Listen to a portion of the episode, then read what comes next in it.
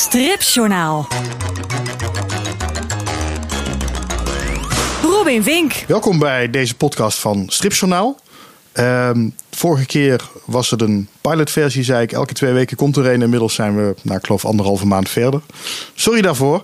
Ehm, het wordt nu een maandelijkse podcast. Elke eerste zaterdag van de maand. Stripjournaal, de podcast, bij, samen met een striptekenaar of iemand uit de stripwereld. Half uur lang ehm, gaan we praten over strips en wat hem of haar bezighoudt. En we trappen deze keer af met Emme de Jong. Hallo. Welkom. Ja, dank je. Ehm, we kennen jou van Snippers uit de metro. ja. We kennen jou van de terugkeer van de Wespendief, je graphic novel, die op het moment verfilmd wordt, of Ja. volgens mij al klaar is. Hij is al klaar. Ja. ja. ja. Eh, we kennen je van Reborn, een strip over eh, een meisje dat. eh, mag ik dat zeggen? Of verraad ik dan meteen al de hele clue En van ligt het eraan wat je verhaal? gaat zeggen natuurlijk. Eh, een meisje dat een. een nou, ik ga hem gewoon lezen. Laat ik het zo zeggen. Het gaat over een meisje. ja, nou, dat is wel een heel slechte tease eigenlijk. Ja, ja. Nou, ehm, en je komt net terug uit Angoulême, Ja, het klopt. grote internationale stripfestival in Frankrijk. Ja. Hoe was net, dat? eh, ja, ik ben, ik ben net één dag thuis, dus ik heb het nog niet helemaal kunnen verwerken. Want het zijn heel veel indrukken die je daarop doet. En, Ja. ja. ja, nee, het is een geweldig, geweldig festival. En dit was de derde keer dat ik er was. En dit was wel voor mij de beste editie tot nu toe. Ik heb echt eh, mijn ogen uitgekeken hoor. Dat, eh, nou ja, het is sowieso. Angoulême kan je niet vergelijken met de Nederlandse beurs. Het is gewoon een, een heel andere wereld. Het is in een dorpje, of nou ja, officieel een stad, maar het voelt een beetje als een dorpje. Waar ze een paar hele grote tenten hebben neergezet. Die vol staan met stands en uitgevers en striptekenaars die hun werk verkopen. Ehm, daarnaast eh, heb je een paar museums en die zijn dan helemaal ingericht met striptentoonstellingen, maar ook echt hele grote tentoonstellingen. Eh, en dit jaar had je dus Wil Eisner, eh, wat echt heel, heel tof was. Ehm, en Kamimura, wat een Japanner was, waar ik eigenlijk niet zoveel van kende, maar waar ik echt enorm van onder de indruk was. Heel erg eh, sensuele tekeningen, heel mooi. Ehm, en een Valerian tentoonstelling, wat een beetje ging over de film die eraan zit te komen van die strip. Ja. Maar waar ook heel veel originele platen hingen. En dat vind ik echt geweldig. Want dan kan je zo lekker dicht op, met je neus op die pagina's. En je ziet, je ziet waar ze geschetst hebben en gegumd hebben en getypext hebben. En eh, ja, dus voor mij, ik, ik was helemaal blij. Echt, ik ben nog steeds blij. Dat vind ik wel mooi. Nou, Ja. wel grappig dat je het dus hebt over je ziet waar ze gegumd en getypext Mhm. en zo hebben. Terwijl ik net eh, voordat we dit begonnen op te nemen even met jou bij je tekentafel stond. Ja. Waar een originele, lag, een originele pagina lag van de, de blauwblouse die jij getekend hebt. En Ja. toen zei je, ja, uiteindelijk ben ik maar op de computer verder gegaan, want het lukte. Ik vond het eigenlijk ook niet zo prettig. En je ziet dan ook verschil met wat, je, Ja. hè, wat uiteindelijk in het album terecht is gekomen. Ehm, dus je houdt eigenlijk heel erg van het, het, het gummen en het typexen als je dat bij anderen ziet. Maar Ja. zelf ga je liever op de computer. Ja, nou ja, Soms. inmiddels, ja, inmiddels denk, wil ik wel wat meer op papier gaan werken. Maar het probleem is een beetje, of nou ja, probleem. Dat ik ben opgegroeid met het internet bijvoorbeeld. Ik ben opgegroeid met computers, met laptops en met uh, Wacom eh, pennetjes. Wat dus ja, een soort digitale ja, pennen zijn waar je in Photoshop direct kan tekenen. En ik heb dat echt gedaan sinds mijn 14e, 15e, denk ik. Uh, dus ik ben helemaal vergroeid met, met die digitale pen. Dus ik weet precies uh, wat ik kan doen en hoe ik iets moet doen met dat pennetje. Uh, ik weet precies, als ik iets in mijn hoofd heb, kan ik het echt meteen in Photoshop, kan ik het perfect op, daarop zetten. Maar op papier juist niet. Dus als ik een, een potlood heb en een pennetje, dan ben ik enorm aan het worstelen om wat ik in mijn hoofd heb op dat papier te krijgen. En dat had ik dus een beetje. Um, ja, dat probleem had ik dus met de blauwblouse. Dat ik heel graag op papier wilde tekenen. Ook omdat er een tentoonstelling van kwam. Dat was al bekend voordat ik begon. Dus ik dacht, nou, ik wil hele mooie originele hebben, weet je wel. Ik wil echt iets hebben wat ik daar kan ophangen. Dus ik heb een lichtbak gekocht, echt speciaal voor dat boek. Ik heb duur ja. papier gekocht, dure pennetjes gekocht. En ik ging zitten en het lukte gewoon niet. En er gingen dagen voorbij, er gingen weken voorbij. En dan op een gegeven moment zie je die deadline dichterbij komen.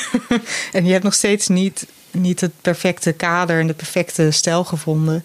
En toen op een gegeven moment heb ik gewoon maar gezegd van... nou ja, dit wordt hem niet. Ik ga terug naar mijn bekende uh, veilige zone. En dat is toch de computer. Dus toen ben ik ja. toch weer naar de, de digitale tekentafel gegaan. Of ben je dan te perfectionistisch misschien?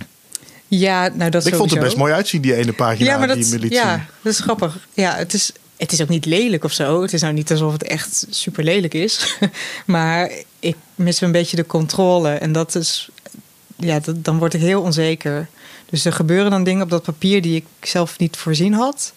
En dat klopt wat, wat jij zegt, want het is misschien juist charmant als dat gebeurt.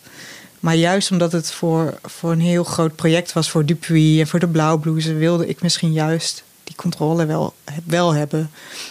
Dus uh, en ik ben nu bezig met een nieuw boek. En daar ga ik wel weer richting analoog. Dus richting okay. papier en pen. En, en dat is een heel sensueel verhaal. Gaat ook over de liefde. En, en dat moet een beetje. Er moeten een beetje van die ongelukjes gebeuren. Dat, dat, dat is juist goed, denk ik. Dus ik ga het wel weer opnieuw, uh, opnieuw proberen nu. Oké. Ja. Grappig dat je het over de liefde hebt en dan ongelukjes. En, uh, ja. Nou ja, het, het is uh, het, het, verhaal, dus, dus geschreven door Cidroe. En het is een heel rustig, um, romantisch verhaal waar eigenlijk heel weinig gebeurt. Je ziet eigenlijk vooral de liefde opbloeien tussen twee mensen. Twee oudere karakters. En het, het gaat dus ook heel erg over hoe zij zichzelf zien. In, bijvoorbeeld zitten heel veel spiegels in. Heel veel, ze kijken naar zichzelf in de spiegel. Ze zien hoe ze ouder worden, hoe hun lichamen ouder worden. En, en dat is juist mooi als dat niet perfect is, want dat zijn zij ook niet of niet meer. Um, dus een van de hoofdpersonen is een model geweest. De vrouw is een, uh, fotomodel geweest. En, en als dat dus met dat pennetje op dat papier als een beetje, ja, een beetje ruig wordt of een beetje, uh, een beetje ruw, dan is dat juist wel goed of zo dat is juist waar dat boek over gaat. Dus daar durf ik het wel aan, laat ik het zo zeggen. Ja, ja, ja, En hoe is die samenwerking met Cidroe? Want dat is natuurlijk toch een, een, um, een grote Franse scenarist. Ja. Of wel, is, Frans is die, hè? nou, hij is Vlaam. Nou, Vlaams. Ik denk Wallonisch, zo, hoe zeg je dat? En ja, uh, hij is inmiddels verhuisd naar Spanje. Dus hij woont nu in Spanje. Oh. Maar uh, het fijne van hem was dat hij ook nog heel goed Nederlands spreekt. Want zijn vrouw is Vlaams. Uh, en, en dat, ik bedoel, hij spreekt niet elke dag Nederlands, maar hij heeft het wel geleerd. Dus hij, hij praat van dat, dat mooie Nederlands met een heel sterk Frans accent. Dat echt, uh, echt heel fijn is, vind ik dan, om naar te luisteren. En nou ja, die samenwerking was eigenlijk heel erg op afstand. We hebben elkaar wel twee weken gezien in Spanje. Dus ik ben naar hem toe geweest. Twee jaar geleden alweer. En toen, uh, toen hebben we dat verhaal een beetje samen geschreven. En hij heeft mij dingen laten lezen. En ik heb dingen voor hem getekend. Het ging een beetje heen en weer. Uh, en daarna heeft hij het gewoon zelf afgerond in Spanje. En ik heb hier in Nederland ben ik begonnen met het tekenen. Ja. En dat, we hebben wel heel veel contact. Zeg maar, als ik vragen heb, dan, dan app ik hem of dan uh, mail ik hem. En dan antwoordt hij gewoon. Maar het is, uh, dat, dat is het dan. Ik heb gewoon nu dat scenario. En dat, dat heb ik gewoon op mijn computer staan. En dat teken ik. Ja. ja. Maar en hoe ben je met hem in contact gekomen? Um, ja, dat kwam eigenlijk via, ook weer via de Wespedief. Wat wat vertaald is bij Dargo. Wat natuurlijk heel tof was. Um, en ik ben daar toen over de vloer geweest om wat dingen te bespreken over dat boek. Dus de, de grootte en het papier en de, al die dingen. En toen zeiden ze al vrij snel van... wil je ook een nieuw boek maken misschien bij ons? Want dat lijkt ons leuk. En toen dacht ik, oké, okay, dat lijkt mij ook wel heel leuk. ja, als Dargo zijn... vraagt, zeg je geen nee. Nee, dat is ook... Ja, ik, ik weet nog steeds niet hoe ik reageerde toen. Want ik was best wel verbaasd. Um, maar goed, toen zei ik al best wel snel van... ik wil eigenlijk uh, eens proberen met een scenarist te werken. Want ik, ik schrijf meestal mijn eigen verhalen. Maar dat is vooral omdat er in Nederland... Nou ja, dit klinkt een beetje lullig. Sorry, sorry alle Nederlandse scenaristen.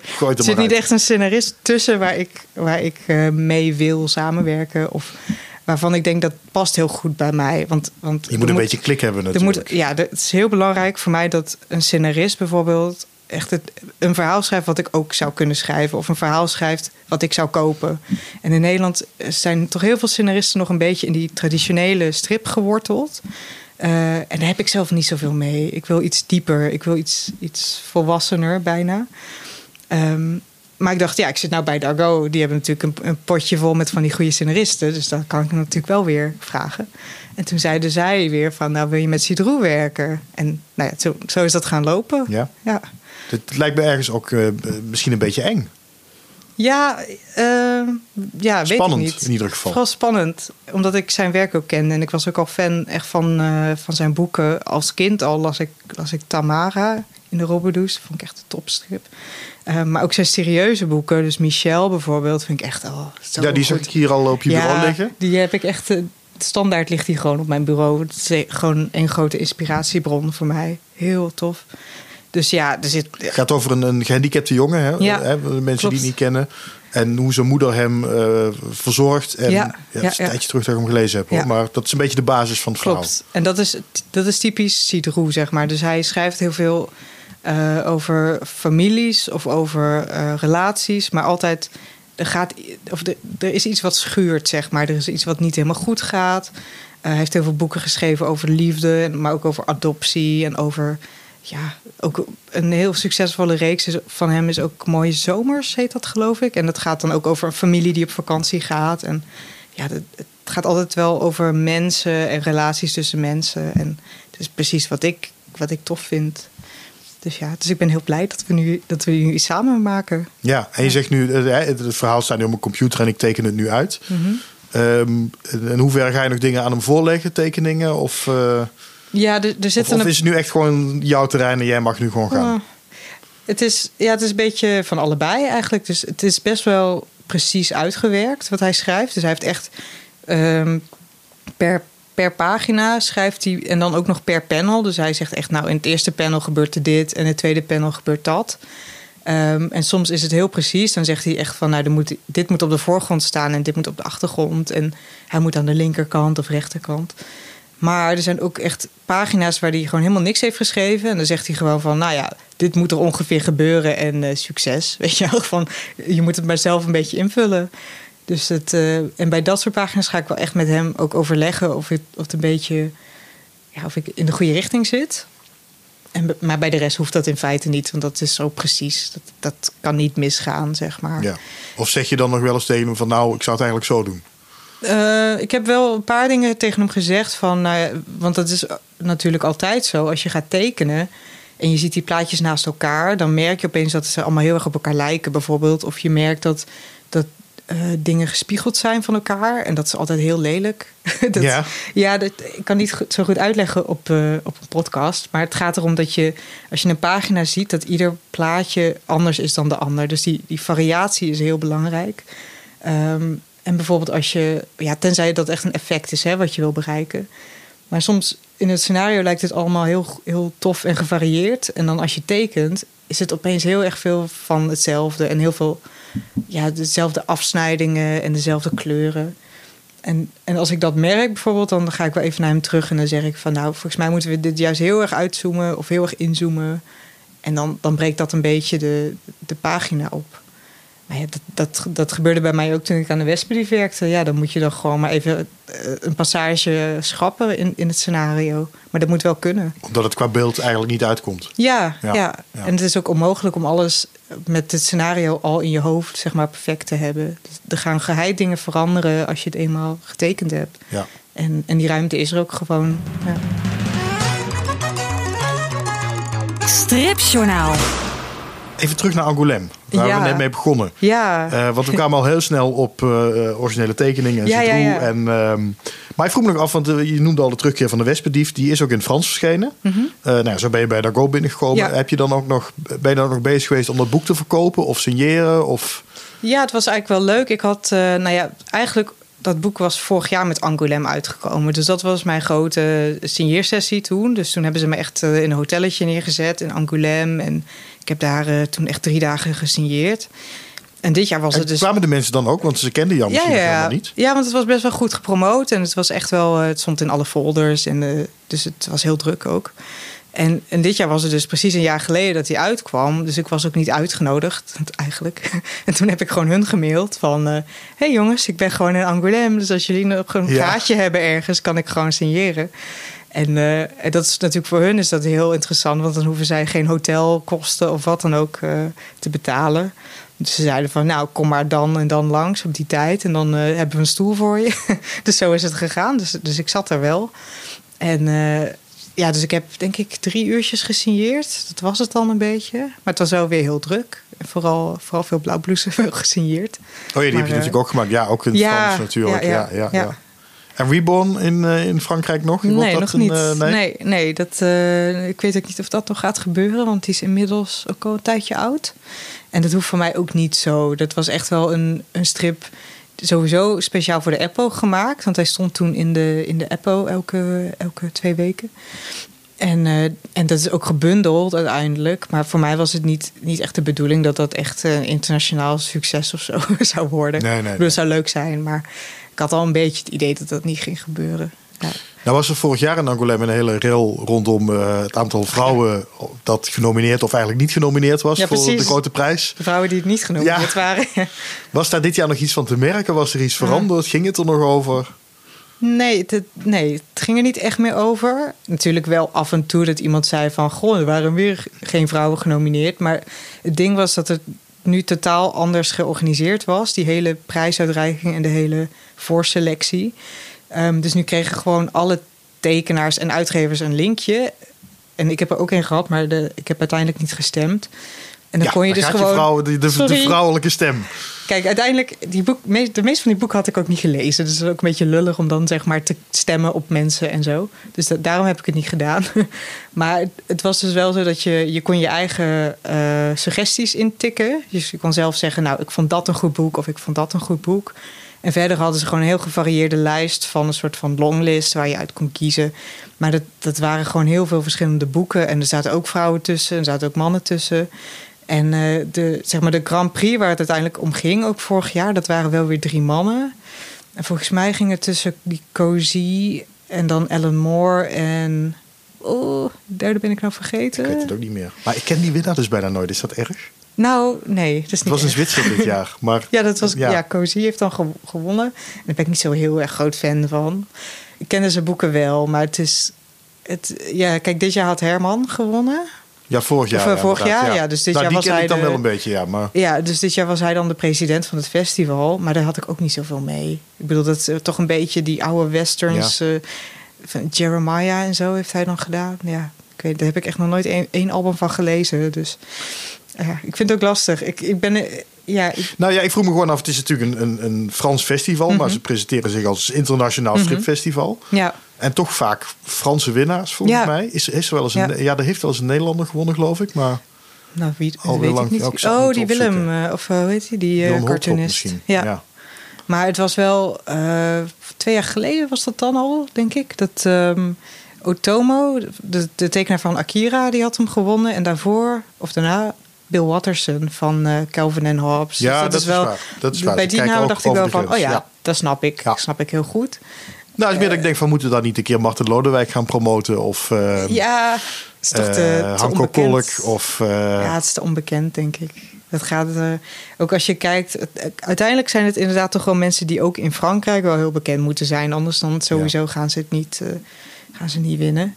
Dus dan moeten we nog even, even doorzetten, denk ik. Je had wel een eh, behoorlijke stapel strips meegenomen vanuit Angoulême. Ja, ja, ja, ehm, of volgens mij heb je ze nog eh, beneden liggen, de meeste. Um, maar wat, wat had, kun je een beetje vertellen wat jouw... Uh, zonder dat we meteen, we gaan zo meteen mhm. nog een, een, een, tip doen. Hè? Ik wil graag even van, een tip van jou horen. En ik geef ook een tip van een, een strip die je kan lezen, die je misschien mhm. kent of misschien niet kent. Uh, jij had iets, ook iets van Angoulême daarvoor meegenomen. Ja, ja, ja. ja. Uh, laten we die nog heel even buiten beschouwing, maar andere dingen die je had gevonden daar. Nou, dat, de, ik wilde eigenlijk, ik had niks op mijn lijstje staan. Ik had niks waarvan ik dacht, nou, dat wil ik echt uh, meenemen naar huis. Maar meestal wat ik doe is gewoon één dag rondlopen en rondkijken. En dat was voor mij de zaterdag.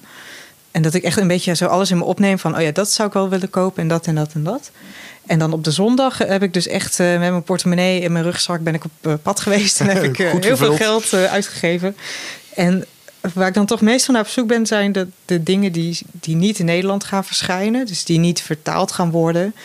En dat kan je natuurlijk nooit zeggen. Maar er zijn, er zijn boeken waarvan je weet, nou dat is zo artistiek of zo, zo klein. Dat, dat gaat gewoon nooit hier verschijnen. En uh, dus ik heb een paar tijdschriften gekocht met nieuwe, soort nieuwe Franse tekenaars. Die heel tof zijn, heel, heel gevarieerd.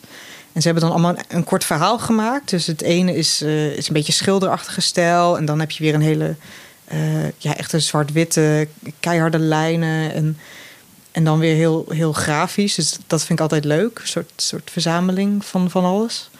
En ik heb ehm, de integrale Ragebol, het eerste deel, gekocht. En ik, ja, dat is toch een beetje nostalgie voor mij, want Ja. daar ben ik mee opgegroeid. Een hele mooie hardcover uitvoering, hè? Ja, dat kunnen ze wel hoor, daar. Van die hele toffe, echt mooi papier, mooie eh, kaft ook. Een beetje kartonnig bijna. En, eh, en off-white, ja, dat, dat is dan... Het, zeg maar, het, papier is niet spierwit, maar een beetje, beetje beige-achtig. En daar hou ik altijd wel van. De wespendief is ook op dat papier gedrukt. Oh, kijk, ja. Het is toch een beetje alsof je in een soort schetsboek aan het, aan het bladeren bent. En, eh, en de inkt zit er altijd heel lekker in, vind ik, in dat soort, eh, in dat soort papier. Ehm, en het, het, het fijne van dat boek vond ik dat er heel veel schetsen in staan. En heel veel soort van making-ofs van, van boeken en, eh, en aantekeningen van de tekenaar en dat soort dingen. En dat vind ik altijd leuk om toch een soort kijkje achter de schermen te hebben van de albums waar ik dan vroeger mee op ben gegroeid. Eh, dus je ziet bijvoorbeeld schetsen van de cover, wat verschillende versies die hij heeft uitgeprobeerd. En eh, ja, dat vind ik gewoon heel interessant. Ja. Maar allemaal in het Frans. Het is wel Frans. Is je Frans zo goed? Nee. maar hoe doe je goed dat genoeg. Ja, weet je, soms, soms eh, kom ik er niet uit. Soms heb ik echt wel een woordenboekje nodig. Maar meestal, weet je, dan kom ik er wel uit. Dan uiteindelijk door de context en door de plaatjes kom je toch wel. Denk je van, nou, waarschijnlijk bedoelen ze dit. Je leert er wel weer van ook. ja, zeker. Ja, ja. Eh, de Wespendief. Mhm. Jouw verhaal is verfilmd. ja. Het is af, hè? Het is, De film. het is af. Ik heb het nog niet gezien hoor. We hebben pas eh 6 maart is de première, geloof ik. Op een geheime locatie. Ergens in Hilversum. Jo, spannend. ja, het is, eh, er is altijd een soort première. Want het is een, een telefilm. En er zijn volgens mij elk jaar zes telefilms. En eh, ze hebben dan altijd een hele dag dat al die films in première gaan. En, eh, en dat is geloof ik dus 6 maart. En daar, daar ga ik ook naartoe, dus dan ga ik hem zien. En dan 22 maart komt hij op televisie. Op half negen op NPO 3, geloof ik. Half negen. Oh, wauw. Dan hebben ze hem Ja, wel mooi primetime primetime. gezet. Ik dacht al even publieke omroep. eh, film Ja. die niemand kent. wordt dat- misschien half twaalf Dat of is zo. een beetje ons geluk, zeg maar, dat het een telefilm is. Dus die zitten al in de programmering van, eh, van de publieke omroep altijd. Dus volgens mij is het elke week om, op diezelfde tijd dat ze dan een, een telefilm uitzenden. En wij zijn de eerste, dus dat is ook wel spannend. Mooi. Ja. Maar eh, je zegt, ik heb hem nog niet gezien. Eh, heb je nog helemaal niks van gezien? Of wel nou, al... wel een stukje. Ik heb, nou ja, een eh, rough cut heet dat. Dus ik heb een soort een, een versie gezien van begin tot eind, helemaal afgemonteerd. Maar er zaten nog wat gaten in, dus dingen die nog niet helemaal klopten. En de muziek was nog niet af en de geluidsband zat er nog niet achter. En dus ik, ik heb zeg maar een idee van hoe het gaat worden. Maar het is natuurlijk pas af als, als de muziek erachter zit en als eh, alles klopt. En er zaten nog wat eh, van die greenscreen dingetjes in die nog niet weggeëdit waren. Ja. Dus eh, ja, dus ik weet ongeveer hoe het gaat worden. En dat is toch wel heel tof. Hij is wel heel goed geworden. Ja. Ja. Maar je hebt je er niet heel veel tegenaan bemoeid, hè? Nee, nee. Is dat niet heel eng? Nee. Dat dan je eigen verhaal... Nou, het scheelt dat ze mij... neemt. Ze hadden mij wel de, het scenario opgestuurd van tevoren. Dus ik wist wat ze gingen doen. Ik wist dat ze bepaalde karakters erbij hebben verzonnen. Ik wist dat bepaalde dingen er niet in zouden zitten. En eh, bepaalde dingen hebben ze een beetje omgedraaid. Eh, maar wel, eh, het is wel allemaal heel goed gedaan. Dus er, was, er waren een paar dingen waarvan ik dacht... wauw, dat had ik zelf wel willen verzinnen. Zo goed is dit.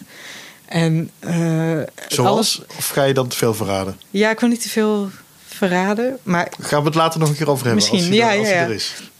Maar het is natuurlijk wel zo dat ik... Ik heb nooit een, een opleiding tot schrijver of zo gevolgd. Hè. Ik ben gewoon vooral een tekenaar. En ik vind toffe verhalen heel, heel boeiend. En ik probeer zelf ook wel af en toe een verhaaltje te verzinnen.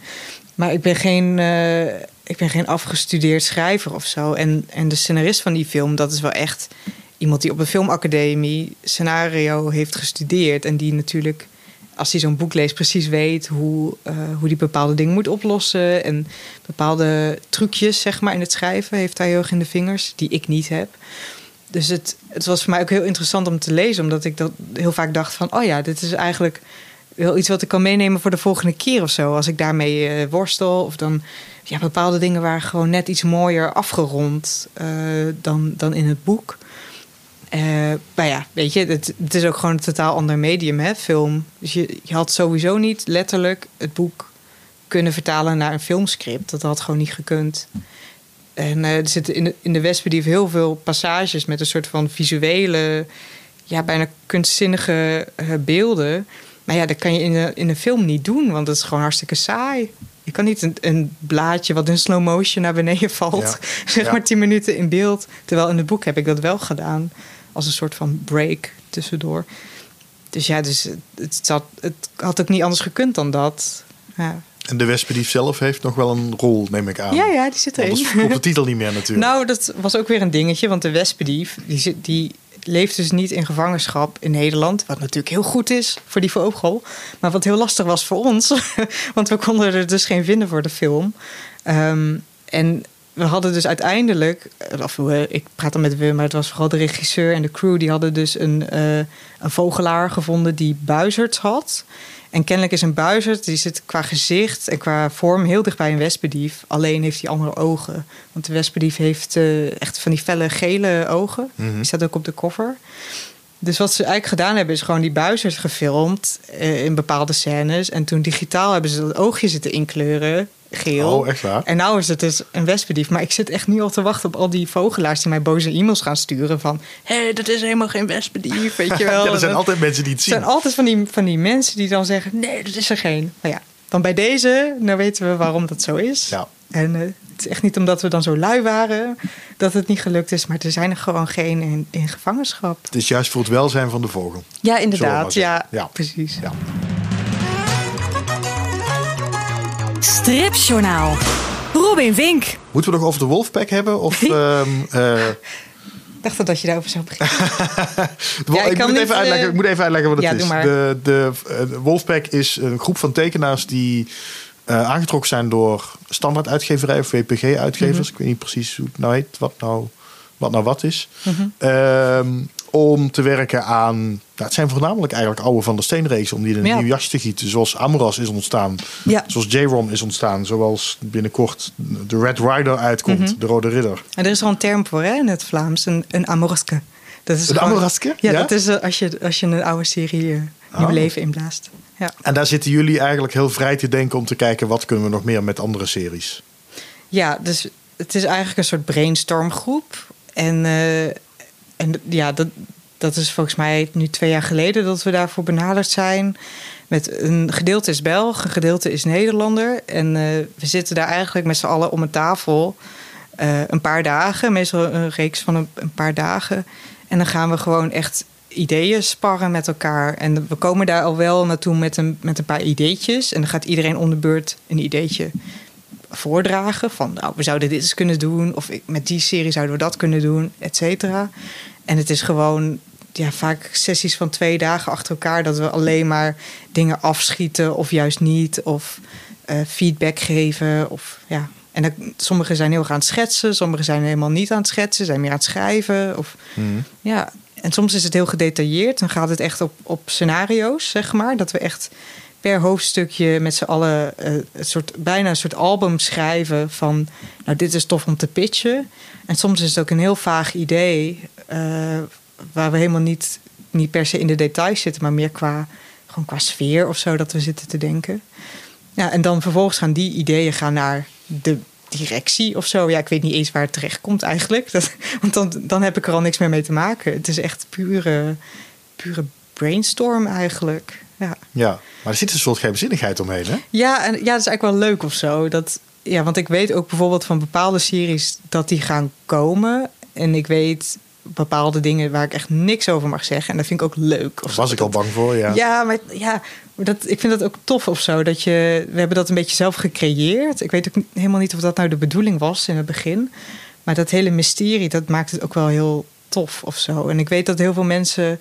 eh, ik, eh, er zijn al heel veel wat journalisten geweest, ook bij mij, zo van... ja, kan je dan echt niks zeggen?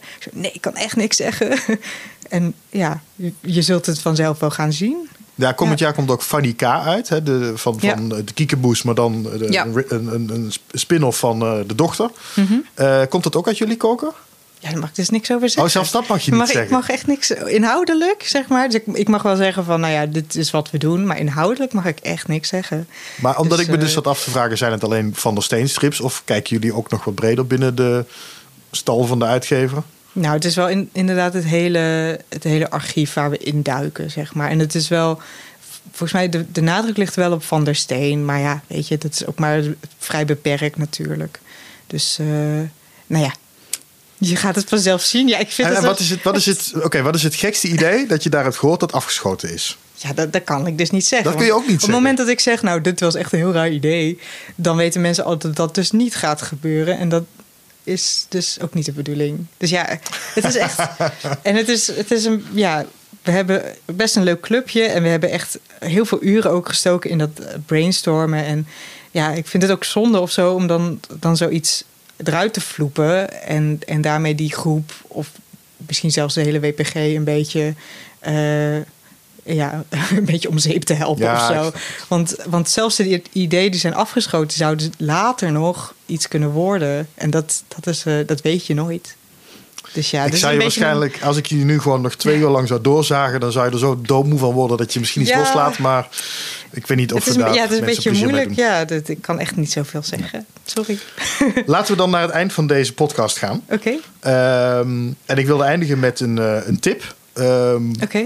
Voor een strip om te lezen waarvan je zegt die moet je echt een keer ontdekken. Mhm. Ehm, ik heb ook een tip. Ik ga elke, elke keer, elke podcast ook een tip meenemen. Maar Ja. ik ben eerst even benieuwd wat jij hebt.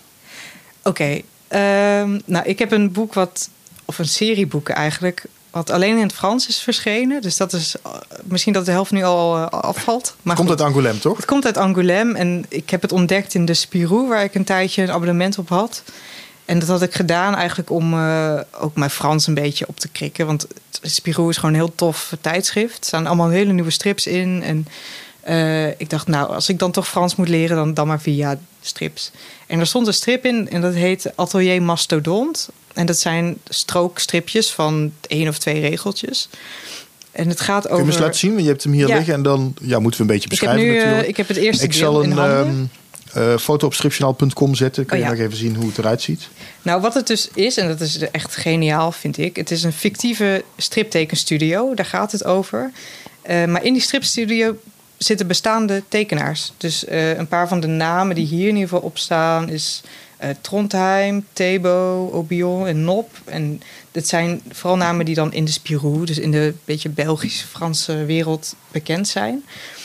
Dus al die mensen zitten in het atelier. En het grappige is dus dat die mensen die daarin zitten ook de tekeningen maken. En elke keer, elke aflevering is door iemand anders getekend.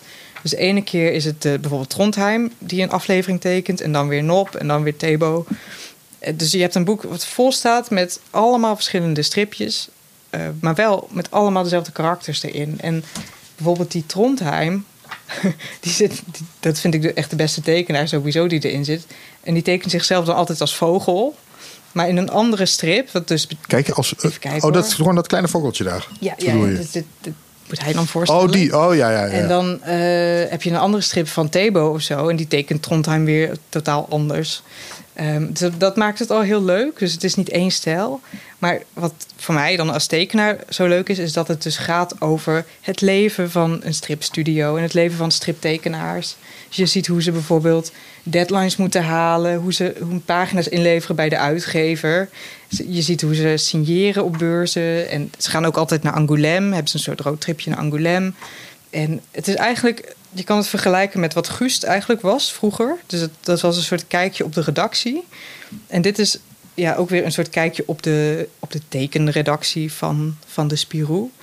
Ehm, en ik heb echt alle vier de boeken gekocht, want de, Ja. de samenstelling wisselt dus ook. Dus in een van die boeken heb je ook eh, Pedrosa, wat ik een hele toffe tekenaar vind. Die zit daar opeens ook op die studio en die tekent dus ook stripjes. En ja, het is gewoon allemaal heel, heel herkenbaar. Echt, eh, vooral de, de dingen over deadlines halen. En ja, dit ook weer zo'n aflevering waarin je Trondheim ziet tekenen... s'nachts bij het licht van een bureaulampje, weet je wel. En waarschijnlijk is hij, is, hij, is hij hier jarig of zo. En hij moet gewoon doorwerken. Ja, Dat zijn herken gewoon- je dan. Dat, zijn, dat is echt... Mijn verjaardag afgelopen jaar was precies zo. Gewoon eh, deadlines halen. Dus het, eh, ja, de- ik vind dat echt een geniale reeks. En het is allemaal heel erg losjes en heel, eh, ja, heel fijn, omdat ze zichzelf heel erg in de zijk nemen. Dat, dat vind ik altijd prettig. Als mensen zich niet zichzelf niet zo serieus nemen. L'atelier mastodonte. Ja, dat is. Wel alleen in het Frans, maar vooruit. Ja, maar toch, het is, het is niet ingewikkeld Frans hoor. Dus je kan het wel volgen. Ook als je, als je Frans een beetje het- hetzelfde is als de mijne. Een beetje basic. Dan, om je eh, Frans op te halen. dan, eh, dan kan het wel. Ja. Ik wil het hebben over eh, de Wezentrein. Ehm, er is iemand die, die nu misschien luistert en die denkt, daar heb je hem weer met zijn Wezentrein, want dat Ja, noem ik, ik, elke eh, keer. Ja. Volgens mij heb je mij ook al een keer aangeraden. Maar ik, Oh, dat ja. zou zomaar kunnen. Ja, ik vind het gewoon heel mooi, omdat het is een verhaal over ehm, ehm, eh, kinderen in Amerika, een beetje eh, eind 19e, begin 20e eeuw, die van de oostkust, New York was zeg maar soort van, nou niet echt overbevolkt, maar er wonen in ieder geval heel veel mensen. En eh, die kinderen zijn dan weeskinderen en die worden dan naar het westen van Amerika gebracht om daar de, ja, de, de, de, de nieuwe, de nieuwe gebieden te bevolken. Ja. Ehm, en die gaan dan met die trein daar naartoe. En, dat, en de belevenissen van een paar van die kinderen. En dat is dus echt gebeurd. Dit, dit gebeurde echt toen. Ja. En wat daarachter zit is dat hele families eigenlijk daardoor ehm, verscheurd zijn. Of dat in ieder geval die kinderen zijn van hun roots weggehaald eigenlijk. Want heel vaak hadden die wel nog ouders. Ja. Maar die hadden ze maar gewoon in het weeshuis gestopt. Omdat ze eigenlijk niet konden betalen om voor ze te zorgen. Ja. En alle alle, alle banden van die kinderen werden verbroken. Ze wisten niet meer wie een familie was. Zeg maar, hun, hele, hun hele leven daarvoor werd gewoon weggegooid. En niet, niet, werd gewoon niet bijgehouden waar ze vandaan kwamen. En er zijn Ja. dus heel veel kinderen die daar op latere leeftijd... en dat zie je dus ook heel erg in die strip... daar weer last van hebben gekregen. En dus je ziet ook, het zijn de hele tijd flash, eigenlijk flashbacks naar die tijd. En de tegenwoordige tijd waarin... eh, waarin ze als volwassenen, bejaarden eigenlijk, daar nog mee worstelen. En weer hun broers en zussen proberen te vinden die ze tijdens die reis zijn kwijtgeraakt. En, en is het nou een heel, eh, een heel serieus, droevige sfeer ook wat er dan hangt? Of is nee, het toch, het, is, het is wel een beetje. zitten wat lichte momenten in ook? Ja, het, het, het heeft wel een beetje qua tekenstijl iets Robbedoes-achtigs. Oké. Ik weet dat jij daar heel erg van houdt, Ja. van, van, die, eh, van die stijl. Ehm, dus het is niet heel zwaar meteen. Er zit wel, eh, er zit, er zit wel een beetje humor in en een, en een wat lichte kant. Maar Hm. daaronder zit gewoon een heel mooi verhaal. En ehm, het is een serie van zes of acht delen inmiddels, als ik me niet vergis. Ik vond vooral de eerste vier vond ik mooi. Het zijn eigenlijk steeds eh, eh, verhalen van twee albums eigenlijk, die een beetje één verhaal vormen. En ehm, ja, ik kan, hem, ik kan hem alleen maar aanraden. Nou, ik heb hem nog niet, dus ik ga hem nou bestellen. Ja, ja, je had hem mee kunnen nemen in Angoulême, want ik denk dat hij oorspronkelijk oh. Frans is. Maar Ja. je moet maar gewoon de Nederlandse versie eh En weet je waar die is uitgegeven toevallig? Ballon Media volgens Oh, oké. mij. Ja, want volgens mij is het oorspronkelijk een Dago of Dupuis Ja. album. Klinkt goed. Dus, ehm, de Wezentrein en van jou... eh, Atelier. Mastodont. Ja, kijk.